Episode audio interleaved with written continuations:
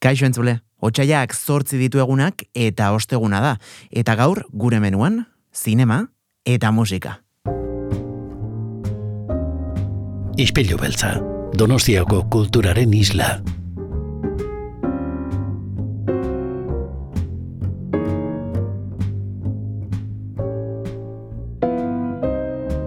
Zinema egin behar dugula ipatuta, ba, badakizue, bizikleta, autobusa, edo nahi duzuen ibilgailu hartu, oinez ere bai, eh? Joan gaitezke, urrutiaz bazara bizi, e, donostiako trueba zinemetara, bertan dagoelako gaur ere, kresala zineklubeko lagunen bat gure zain. Jon Patxe, ongi etorri gure izpilura. Aixo, egunon. Bueno, gure izpilua, baina dagoeneko zure ere bada, eh? Azken aldian asko ibiltzen zarelako, hemendik. Bai, egia esan gusto hartzen nahi naiz honi eta bai, geroz eta bai, gustorago etortzen naiz eta maizago beraz kontentu horrekin. Zer modu zazte, kresala zine klubean?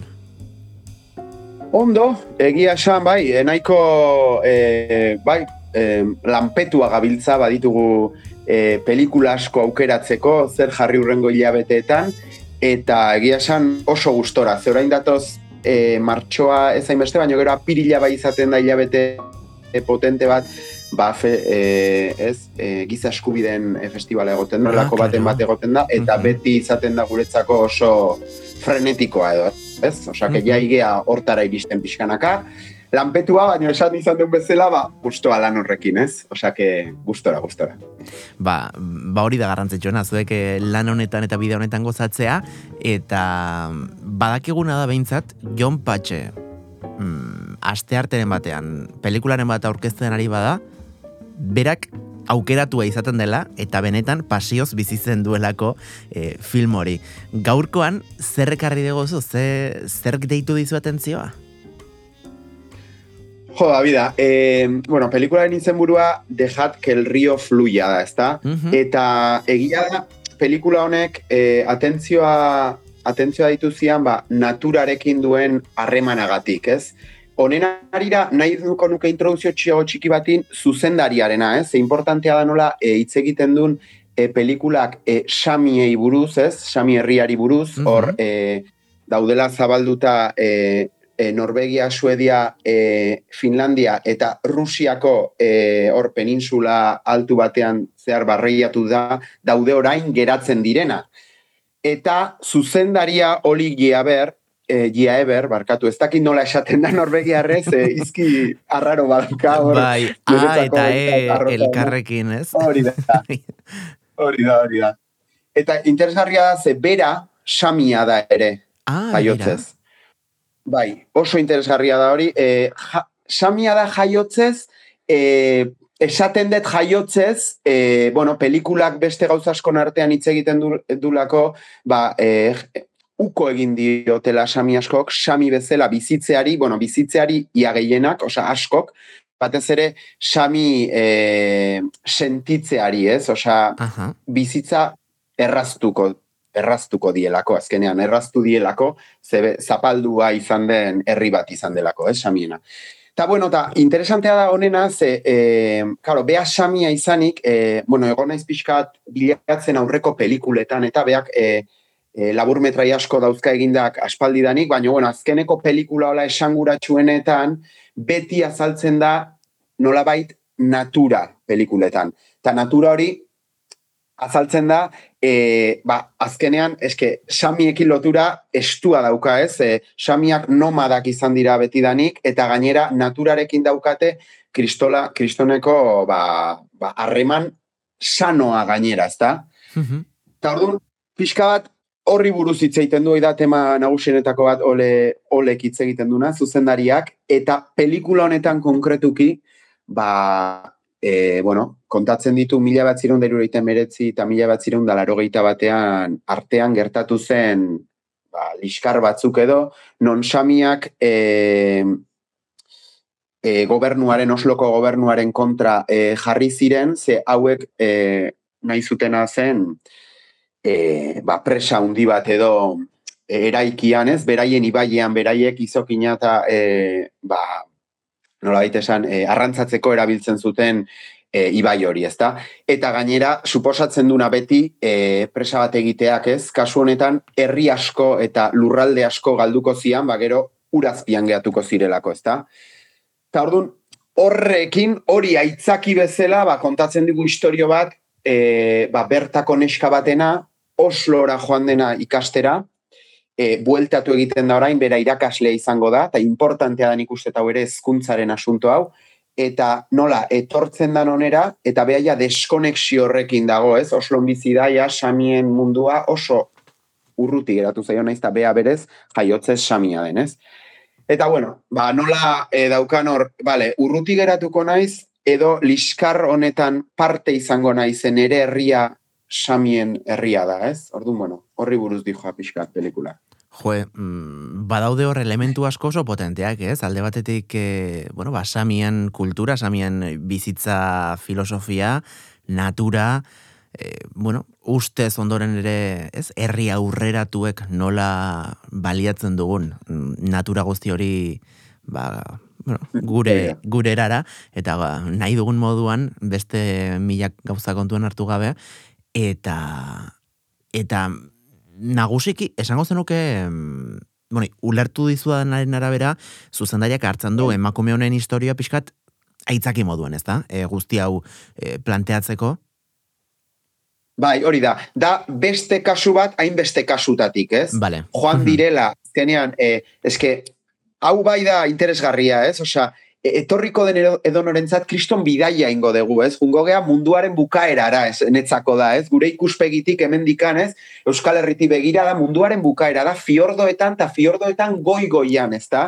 E, getatzen da guztia. Orduan, kao da, ordena paramoa da, edena horrela, ez? Dago, e, bueno, oso urruti, digamos, e, bizitza hori eman nahi ez duen edo zeinentzat beste irteera bat eukitzeko, ez? Orduan, kontatzen du historia, e, e, ba, neska honena, gazte honena nola jundan oslora ikastera, azkenean hori da beraien irtera, e, hitz egiten dute pelikulan ez, estudio superiores egin nahi badituzu, nola baitez, horri buruz ere hitz egiten da. Eta bai, nik uste hori da, jende askok egin duena, samien munduan, nik pixka hola investigatzen egon naiz, pelikulan ere zerbait agertzen da, baina asko eta asko ez dira bueltatu, ez, beraien jaioterrira. Eta hau bueltatzen da. Orduan bai, da itzakia bat. Eta mm, zeri ematen zaio bereziki edo non jarri du zuzendariak fokua? E, bueno, ba, herrialde garatuek, ustez, garatuek direnak egiten duten e, ustiapen lan guzti horietan, samien kontuan, e, zein zen asiratiko intzat, bueno, ba, zuzendariak islatu nahi zuen errealitate hori batez ere?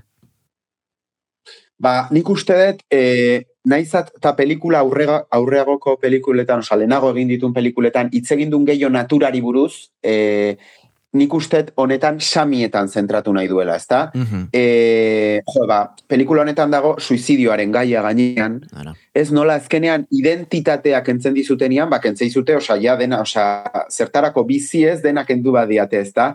Oza, e, oiturak entzen dizkioten herri bati, ba, bizintzak kentzen diozu, ez? Nola baitu esaten du personai batek, eta orduan, klaro, e, bai, hortan jartzen du, oza, emozioa nahi naiz pentsatzen, oza, ze, haitu naiz irakurtzen taula, eta, eta egia da, ba, bueno, e, pelikulan erreferentzia asko egiten da, ze iruroita emeretzi, laro geita bat, ez, urteetan da, erreferentzia asko egiten da, naiz eta ez du mugimendu hau egintzen aurte honetan, oza, zer ikusirik, behintzat e, violentzia mailan edo da ira, ez? E, e, Irlandako ira.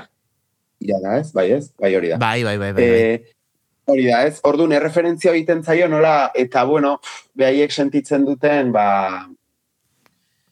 bai, osa, bai, bai, osa, azke azkenian zenba sami geratzen dira, gaien bizitza sami bezala egiten, baina zenbatek erakusten dute erdia baino gutxiagok. Osa, gaur egun, irakurrien laro gehieta mila e, e, sami geratzen direla. E, ez dakit zen baziran lehen, baina laroita bai mila da oso gutxi, eta Norvegian da batez ere ez, ogoi mila bizi dira Norvegian, baina hietatik zenbatek egin dezakete erakutsi beraien bizitza sami bezala. Igual egiten dute, hau da, ba, ibiltzen dira zelaietan e, jasotzen, e, izokina e, arrantzatzen, eta hori, baino, gero, e, digamos, herrira edo etortzen diranean, zenbatek erakusten dute hori bueno, oso gutxiko islatzen da pelikulan, azkenean, e, arrotasuna badute, barrurako gordetzen dute, ze badakite nola ikusia dauden, ez? E, beste herritarren gatik. Samiak ez diren beste herritarren gatik. Hori da. Eta tituluak ere zer ikusi zuzena du guzti honekin. Hori da, hori da. E, oixe, azkenean, eske da, gure ibaia da, samien ibaia, betidanik erabili deguna, eta zuek nahi dezute e, gure ibaia suntxitu, nahi dezue e, ber ustiatu ibaia, eta gainera guk ba, galduko dugu, eta inkluso Norvegia osoa galduko du, eta izokin hori jungoa, ba, suediara, o ez dakit, nora, Alemaniara igual, oi ez dakit, baina hala izaten da, ze, omen da, e, bueno, e, izokin gehien dauzka, oza, barbaridade bat omen da, ez, ibai hori, da, alta ibaia, alta da herria ere hor fiordoetan goi-goien, eta, eta bai, ba hori da, eski azkenean horra izeak entzen, samien, e, samiak sami egiten ditun gauza importante bat, behintzat Norvegiako alde honetan, ez? eta bai. jo, oso, oso, interesgan, oso interesgarria da, ez, nola, ba, zuzendaria bera, sami jaiotako pertsona den, eta imaginatzen bai. dut, baduela film honek asko ere aktivismotik, ez? Hori da, dudari gabe.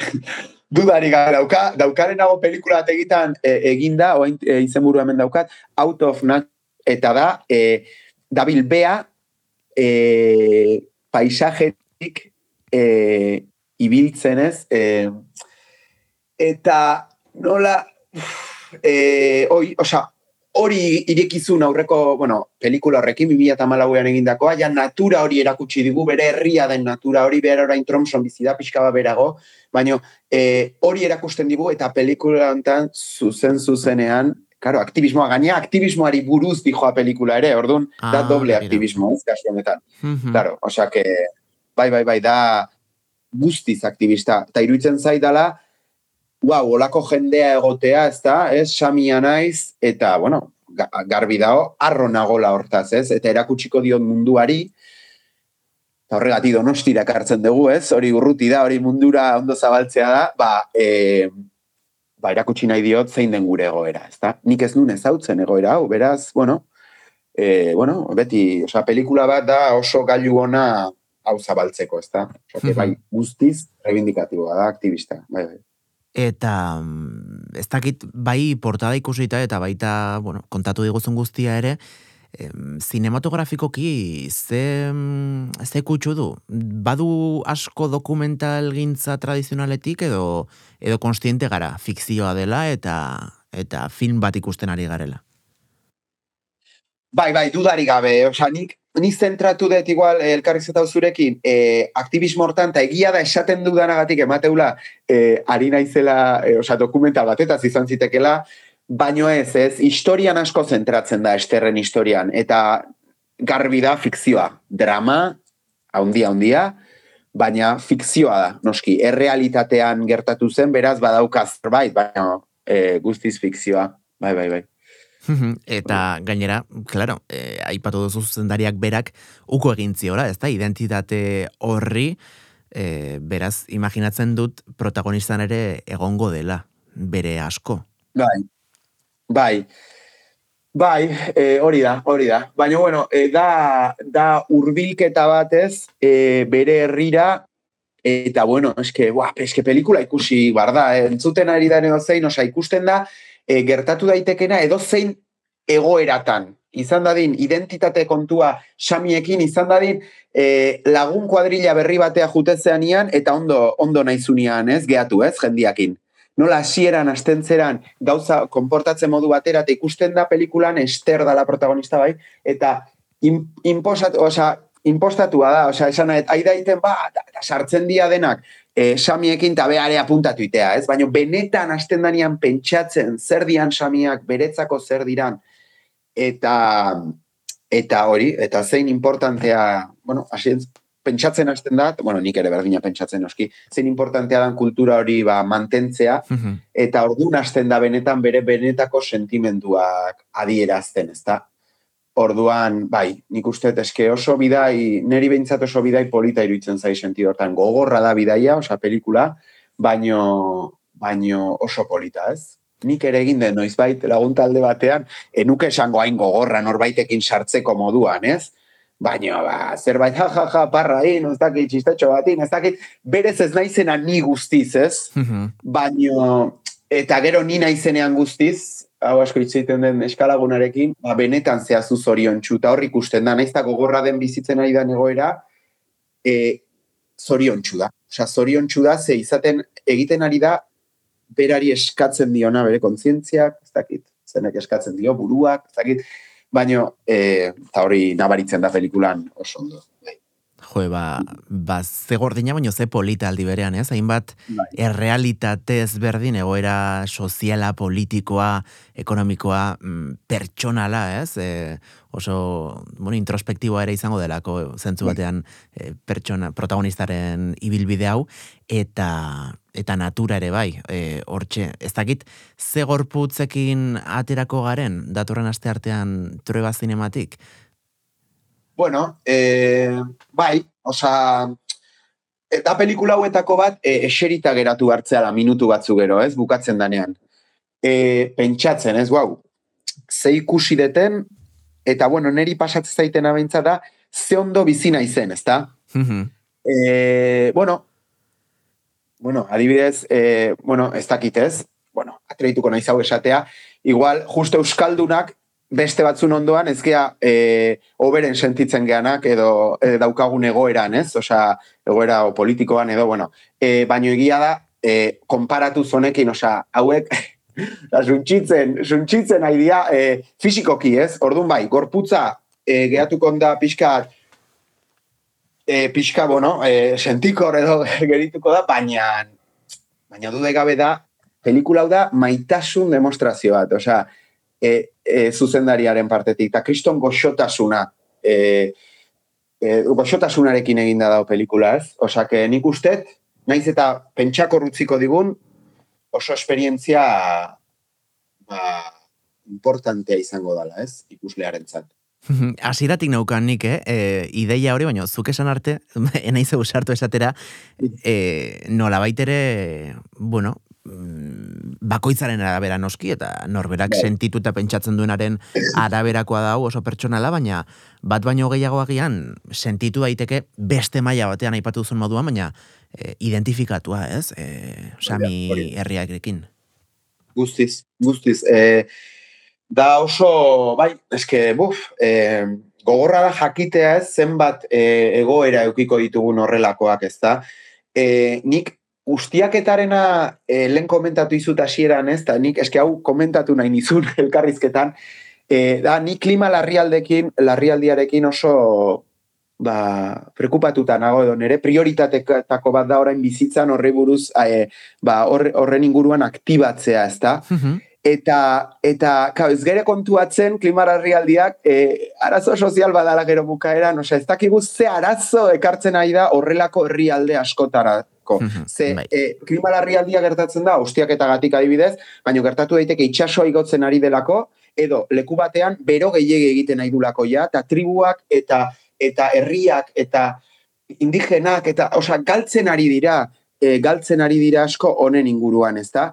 Eta orduan, ne hau elkartuta eta esterren personan jarrita, e, noski, noski, osea, identifikatua sentitu bar gara Euskaldun izan edo ez, eh? baina Euskaldun izan da, e, bai, konturatu bar gara, konturatu bar gara ze lotura daukago naturarekin eta nola igan suntxitzen, ez? Osea, Eta noski, krisi klimatiko honek aipatu duzun moduan, beti ere, ba, berdinak kolpatzen ditu, zapalduak, gutxien dutenak, eta eta gainera, Bai, bai. e, erru, mm, errurik norbaitek badu behintzat, e, beraiena ez da.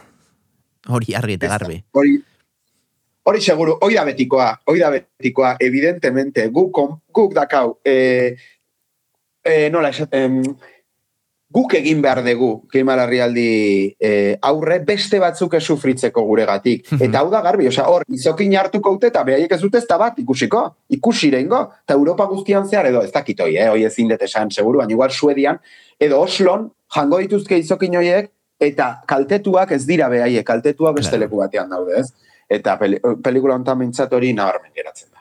Gainera, e, Jon, zu bazabiltza ez da, e, bueno, ba, ekolo, ekoliderren e, buelta horretan e, lantalde batean lanean, eta Horia. eta zuzen zuzenean, aipatu duzun moduan eragiten dizu honek, ez da? guztiz, osea, fuf. E, bai, osea, eske ikusi bar da, osea, esan detena, maitasun demostrazio bada, e, ze erakusten dizkigu, ze paraje izugarri polita daude munduan, ez? Kasu hontan horrez, Norvegian iparraldean, ez? Bertan grabatua da, Eta samiak bizi diren Eh? gune horretan, Jon? Jo, ba, bida, nik baietz, oain galdera egiten diazula, ez ehuneko zaitut. Bai, bai, ala esango nuke, eh? Mhm. Esaten dut, bueno, eh, baina bueno, ez bada ere Norvegian eh, grabatua da eta paraje izugarria dauzkate, ezta? Baina hori, eta eta noski hori ikusita eta ikusita gero Amazonasen eh, nola idian eh, suntxitzen, bueno, Amazonas esaten dut, dalako adibide garbiena, eh? Baina Mhm. Euskal Herrian ere, eh, ari dira egiten, eh? Hau, ikusten danean bilutzik bapatian malda batez, eh, eh, baso baten malda guztiz kenduta, ez? Hor, Mhm. eh, masiboki kenduta zuaitza. Bai. Hoire hemen ikusten da, egia da, Amazona beti urrutira joan bar deula, bidaiatzera, eh, pentsatzera eta hola, eta Amazonasen oso garbi ikusten da, nola ari dian, ba, ba paraje horiekin hausten. Eta paraje hauek ikuste dituzunean hemen, eta osea, hortxe ikusten aizea, zer dan galduko deuna presa bat irikitze bazu, zer dan galduko deuna eh, hau dena suntxitzen aste bazea, eta zure interesentzako, zure esan nahi dut, kasu hontan, ba ez dakit zer da, Europar batasuna kasu hontan Osloko gobernua edo ez dakit zein, aizea egiten, ba, zure interes, bueno, etikoa, ekonomikongatik, ba, eta bueno, horrek asko ikuitzen di noski, eta pelikula honetan oso garbi ikusten da, bai. Eta une oso berezi batean gainera iristen da, mm, hain zuzen, bueno, Katalunian bizitzen ari diren errealitate krudel eta gordin horrekin, Araban eta Nafarroan ere goera benetan kezkagarria da, eta baizu, ea urrengo aste artean, hilaren amairuan, ba, kontzientzia gehiago aktibatzeko eta pizteko balio duen eh, lan honek, Jon Patxe benetan eskerrik asko, eh? Beste behin gurera gerturatzeagatik eta plazer gutxa. Badakizu, zurekin beti hementxe solasaldi hau izatea. Eskerrik asko, eh, zuri.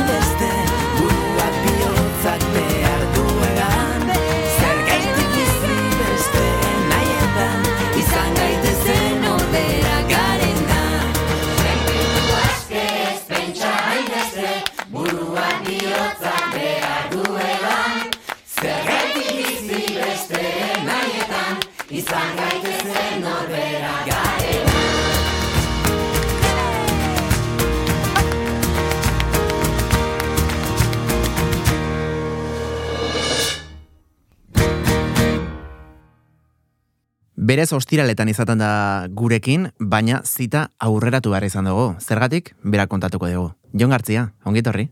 Eskerrik asko, Asier. Bueno, zergatik hainbeste urgentzia? E, bihar beharrean gaur etortzeko izpilu beltzara?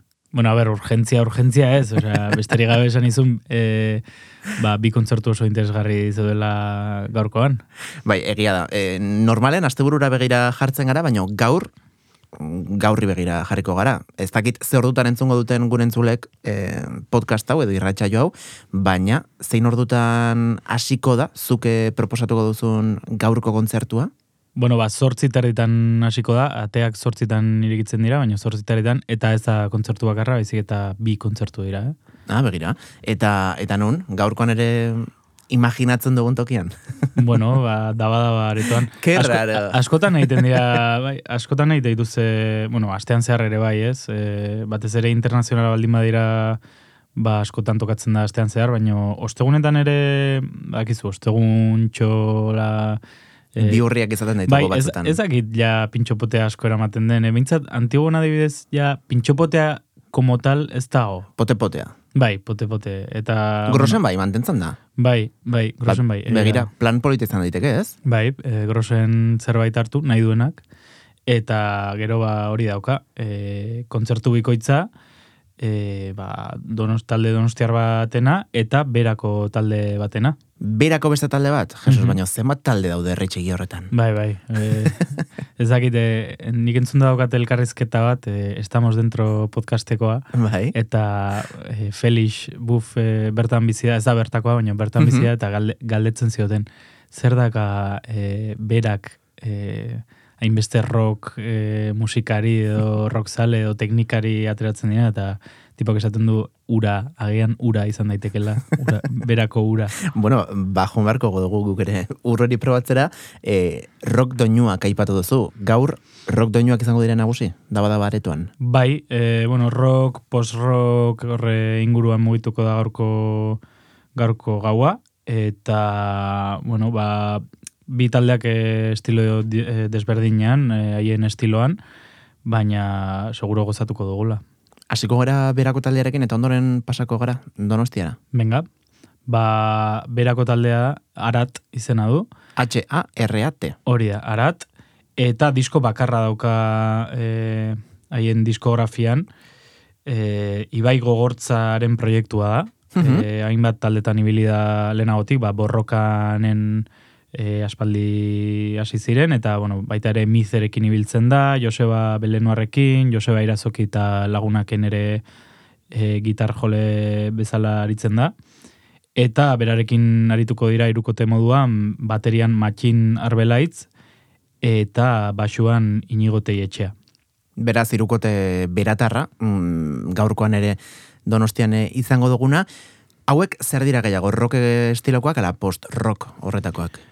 E, esango nuke, bai, a ber, roka beti dagola, baina nahiko e, ikusteko aukera izan nuen duela desente dokaretoan, eta bazeukan hola zeo zer berezia, hola e, erritmo ba, beresiak, eta bai, e, zakit porrok, eske porrokaren barruan pf, gauza asko sartzen dira, baina bueno, Kauskio, erristasun askorekin eh, esaten duzuzuk eh, post-rocka, baina hemen mm, mainstreamean gaudenak ez dakigu zehazki zer den post-rocka oraindik. Bueno, bixate, osea, a ber, e, bixate experimentala da, e, rockaren barruan kokatu dezakegu, baino ez dira ohiko kantuak, ez zaite iruditzen, mintzate, ba, bueno, intentsitate ezberdina dauzka, eta, bueno, ba, nik eh, gomendatuko nukena, porque azkenean eh, etiketekin bakizu ze gertatzen. Bai, osea, dena sartzen da batean, nik gomendatuko nuke entzutea, E, ze gainera, bueno, denbora asko ibili ziren e, diskoa saretan publikatu gabe. E, ah, Osa, que horietako dira hauek ere. bai, kontzertuan e, nik hartu nuen diskoa, eta, bueno, egia esan ja ez daukat non entzun diskoak hori e, askotan komendatu dugu. E, CD bat ja ez daukat nun jarri, ze gainera ez daukat kotxerik, osea, orduan da, pf, e, odisea bat, e, bakarrik CD-an dagoen musika nola entzun, e, badauka bere, zea, Eta, bueno, gaur egun ja badaukate sareetan, eta... Bueno, sareetan, ari naiz ni hemen e, improvisatzen, eh? Mm, zu hitz egiten ari zeran bitartean Spotifyn, Ez, et- Spotifyen ez dago. eta ez eta aurkitzen, Ez, eh? Spotifyen ez, baina bueno, e, Bandcamp bezalako plataformetan, e, badoken ere entzungai dago, beraz, e, a ber, ez da hain zaila, ez dago Spotifyen, baina batzutan atera behar da Spotifyetik, eh? Bai, egia da, eta hori zuk erakutsi diazu, begira. E, de hecho, nik entzuna neukan Bandcamp zertzen, baina enuen sekula erabili, eta behintzat zure tarte honetan ekartzen dizkigozun, talde asko eta asko bertatik ez dira mugitzen. Hmm. Zer da, e, undergroundagoa edo... Bueno, eh, ez hori bakarrik, eh, Spotifyen modeloa, agian beste egun batean luzeago hitz egin dezakegu, baino Spotifyen modeloa ez da artistentzako eta bereziki artista txikientzako eh, egokiena, eh, vamos, ni mucho menos. Eh, eta, bueno, Bandcampek aukera ematen du, ba, hori pixka bat, eh, ba, zale eta artistaren artean, ba, gertutasun gehiago egoteko, e, bertan, bueno, e, hobeto ordaintzen da, bertan saldu ditzakezu diskoak eta ez dakit. E, Merchandisinare, bai, eta, bueno, Bandcamp uste ez dela ere idealena, egia esan ezakit e, nago hain sartuta, baina ez da e, dena perfektua, baina Spotifyekin alderatuta. Ez da metarena. Hori da, hori da. Osea, que metarena ez bada, hobea behintzat izango da. Zior. Aizu jon, e, guazen izketan aritzeari pixkatuztea, eta entzulea pixkat koxatzea, ez? E, araten musikarekin. Ze kantu ekarri dugu gaurkoan? Ba, bueno, e, egia esan aspaldi da e, diskoa ez duela entzun, baina e, berreskuratu dut orain sekziorako, eta bereziki gustatu zitzaidan abesti bat jarriko dut, e, laua izenekoa, eta benetan iruditzen zait kriston kantua.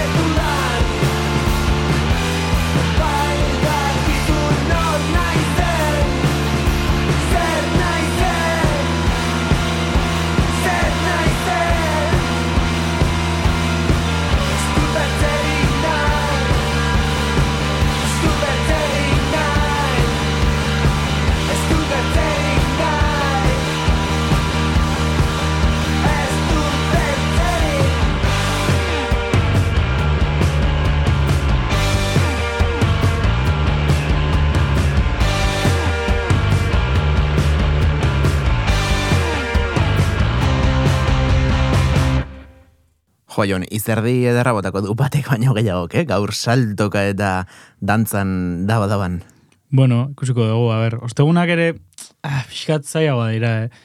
Ja, donostin badaukagu pixkat eh, hotz edo epel fama, eh, asteburua ez baldin bada gehiago kostatzen da. Ah, bai? Bai. Ah, hori neukan. Hori nik. iruditze zait neri, eh? A ber, salbuespenak, salbuespen, baino... Eta ber, espero dugu jendea gerturatzea kontzertura, ze merezi du. Hau, irukote beratarrak sortutako kantua, entzun berri duguna, baina, dabadabaretuan gaur kanterako talde batera izango dugu. Bueno, kantera ezakit, eh, donostikoa bintzat bai. Bueno, donostiarra gazte, Bai. gazte, gazteak ez dira. egiakoa, gainera, eh, etxe ondoan eukiko dute... Berta bertakoa. Bai. Eta, bueno, ba, argazki bat belainoan izeneko proiektua da. Hori da taldearen izena. Bai. Ez diskarena, naiz eta diska bat eman. Hori da, bai, e, taldearen izena edo proiektuaren izena argazki bat belainoan da, eta horren atzean dago Arkaitz Artola musikaria, Mhm. diskoaren izena da segurtasun eza, e, bere mm, bigarren diskoa dela esango nuke, lehen e, disko luzea. Lehenengoa uste dut, etxean grabatu zuela e, pandemia garaian, bueno, 2020 e, urte inguruan, eta orain honetan ba, bonberenea ekintzekin grabatu du diskoa, Eta, bueno, ba, bera bakarrik dago, baino ba, taldea izango du berarekin e, e, kontzertua emateko. Eta, bueno, ba, baita ere donostiko jende musikari nahiko ezaguna izango du laguntzen. Ah, bai? Bai, e, jakina dezu. ba, bai, esaten badiazu, eskartuko nuke, eh? ba, bueno, ezakite... Ezagu... Asko eskatzea ez bada, eh? Ez, ez, ez. Su, suposatze dut ezagutuko dituzula, e, berarekin jungo direnak, izan ere, ba, pelas taldetik, Oso, bai, e, bajo eta bateria lapurtu egin ditu, Iker Bazkez eta Inogoza eta arituko dira berarekin. hauek tokidanetan ibiltzen dira, Bai, bai. bi hauek. Bueno, bai, beraiek eta beste berarekin egongo dien gitar joleak ere eh, ezagunak dira, eh? Jon Agiriano rukulako gitar jolea ere arituko da, e, berarekin batera, eta Fermin Mendazona e, gerako gitar jolea. Jesus. Bai, Os, osea super, que, superbanda donostiarra osatu du e, arkaitzartolak, e, arkaitzartola musikariak. ba, ez dakit, iruditzen bazaizu entzungo dugu kanturen bat? Bale, ba, a ber, aukeratuko dugu abestitxo bat, eta izango da ase arte izeneko kantua, bideoklipa daukana gainera. Ba, Jon, e, iruditzen bazaizu kantu honekin agur esango dizugu, eta baita gure entzulei ere. Gu bihar itzuleko gara, eh? goizeko seiretan podcast plataformetan, eta goizeko sortziretatik aurrera Donostia Kultura Irratian. Eunda zazpi puntu lau FM-an, eta Donostia Kultura Irratiren webgunean, e, irratia.donostiakultura.eus atarian. Jon, gaur sortziretan dabadaban ate irekiera, eta, aizu, mm, badakizu, eh? bihar lanera itzuli behar da, orduan txintxe bere. Txintxo biliko gara. Agur. Agur, agur.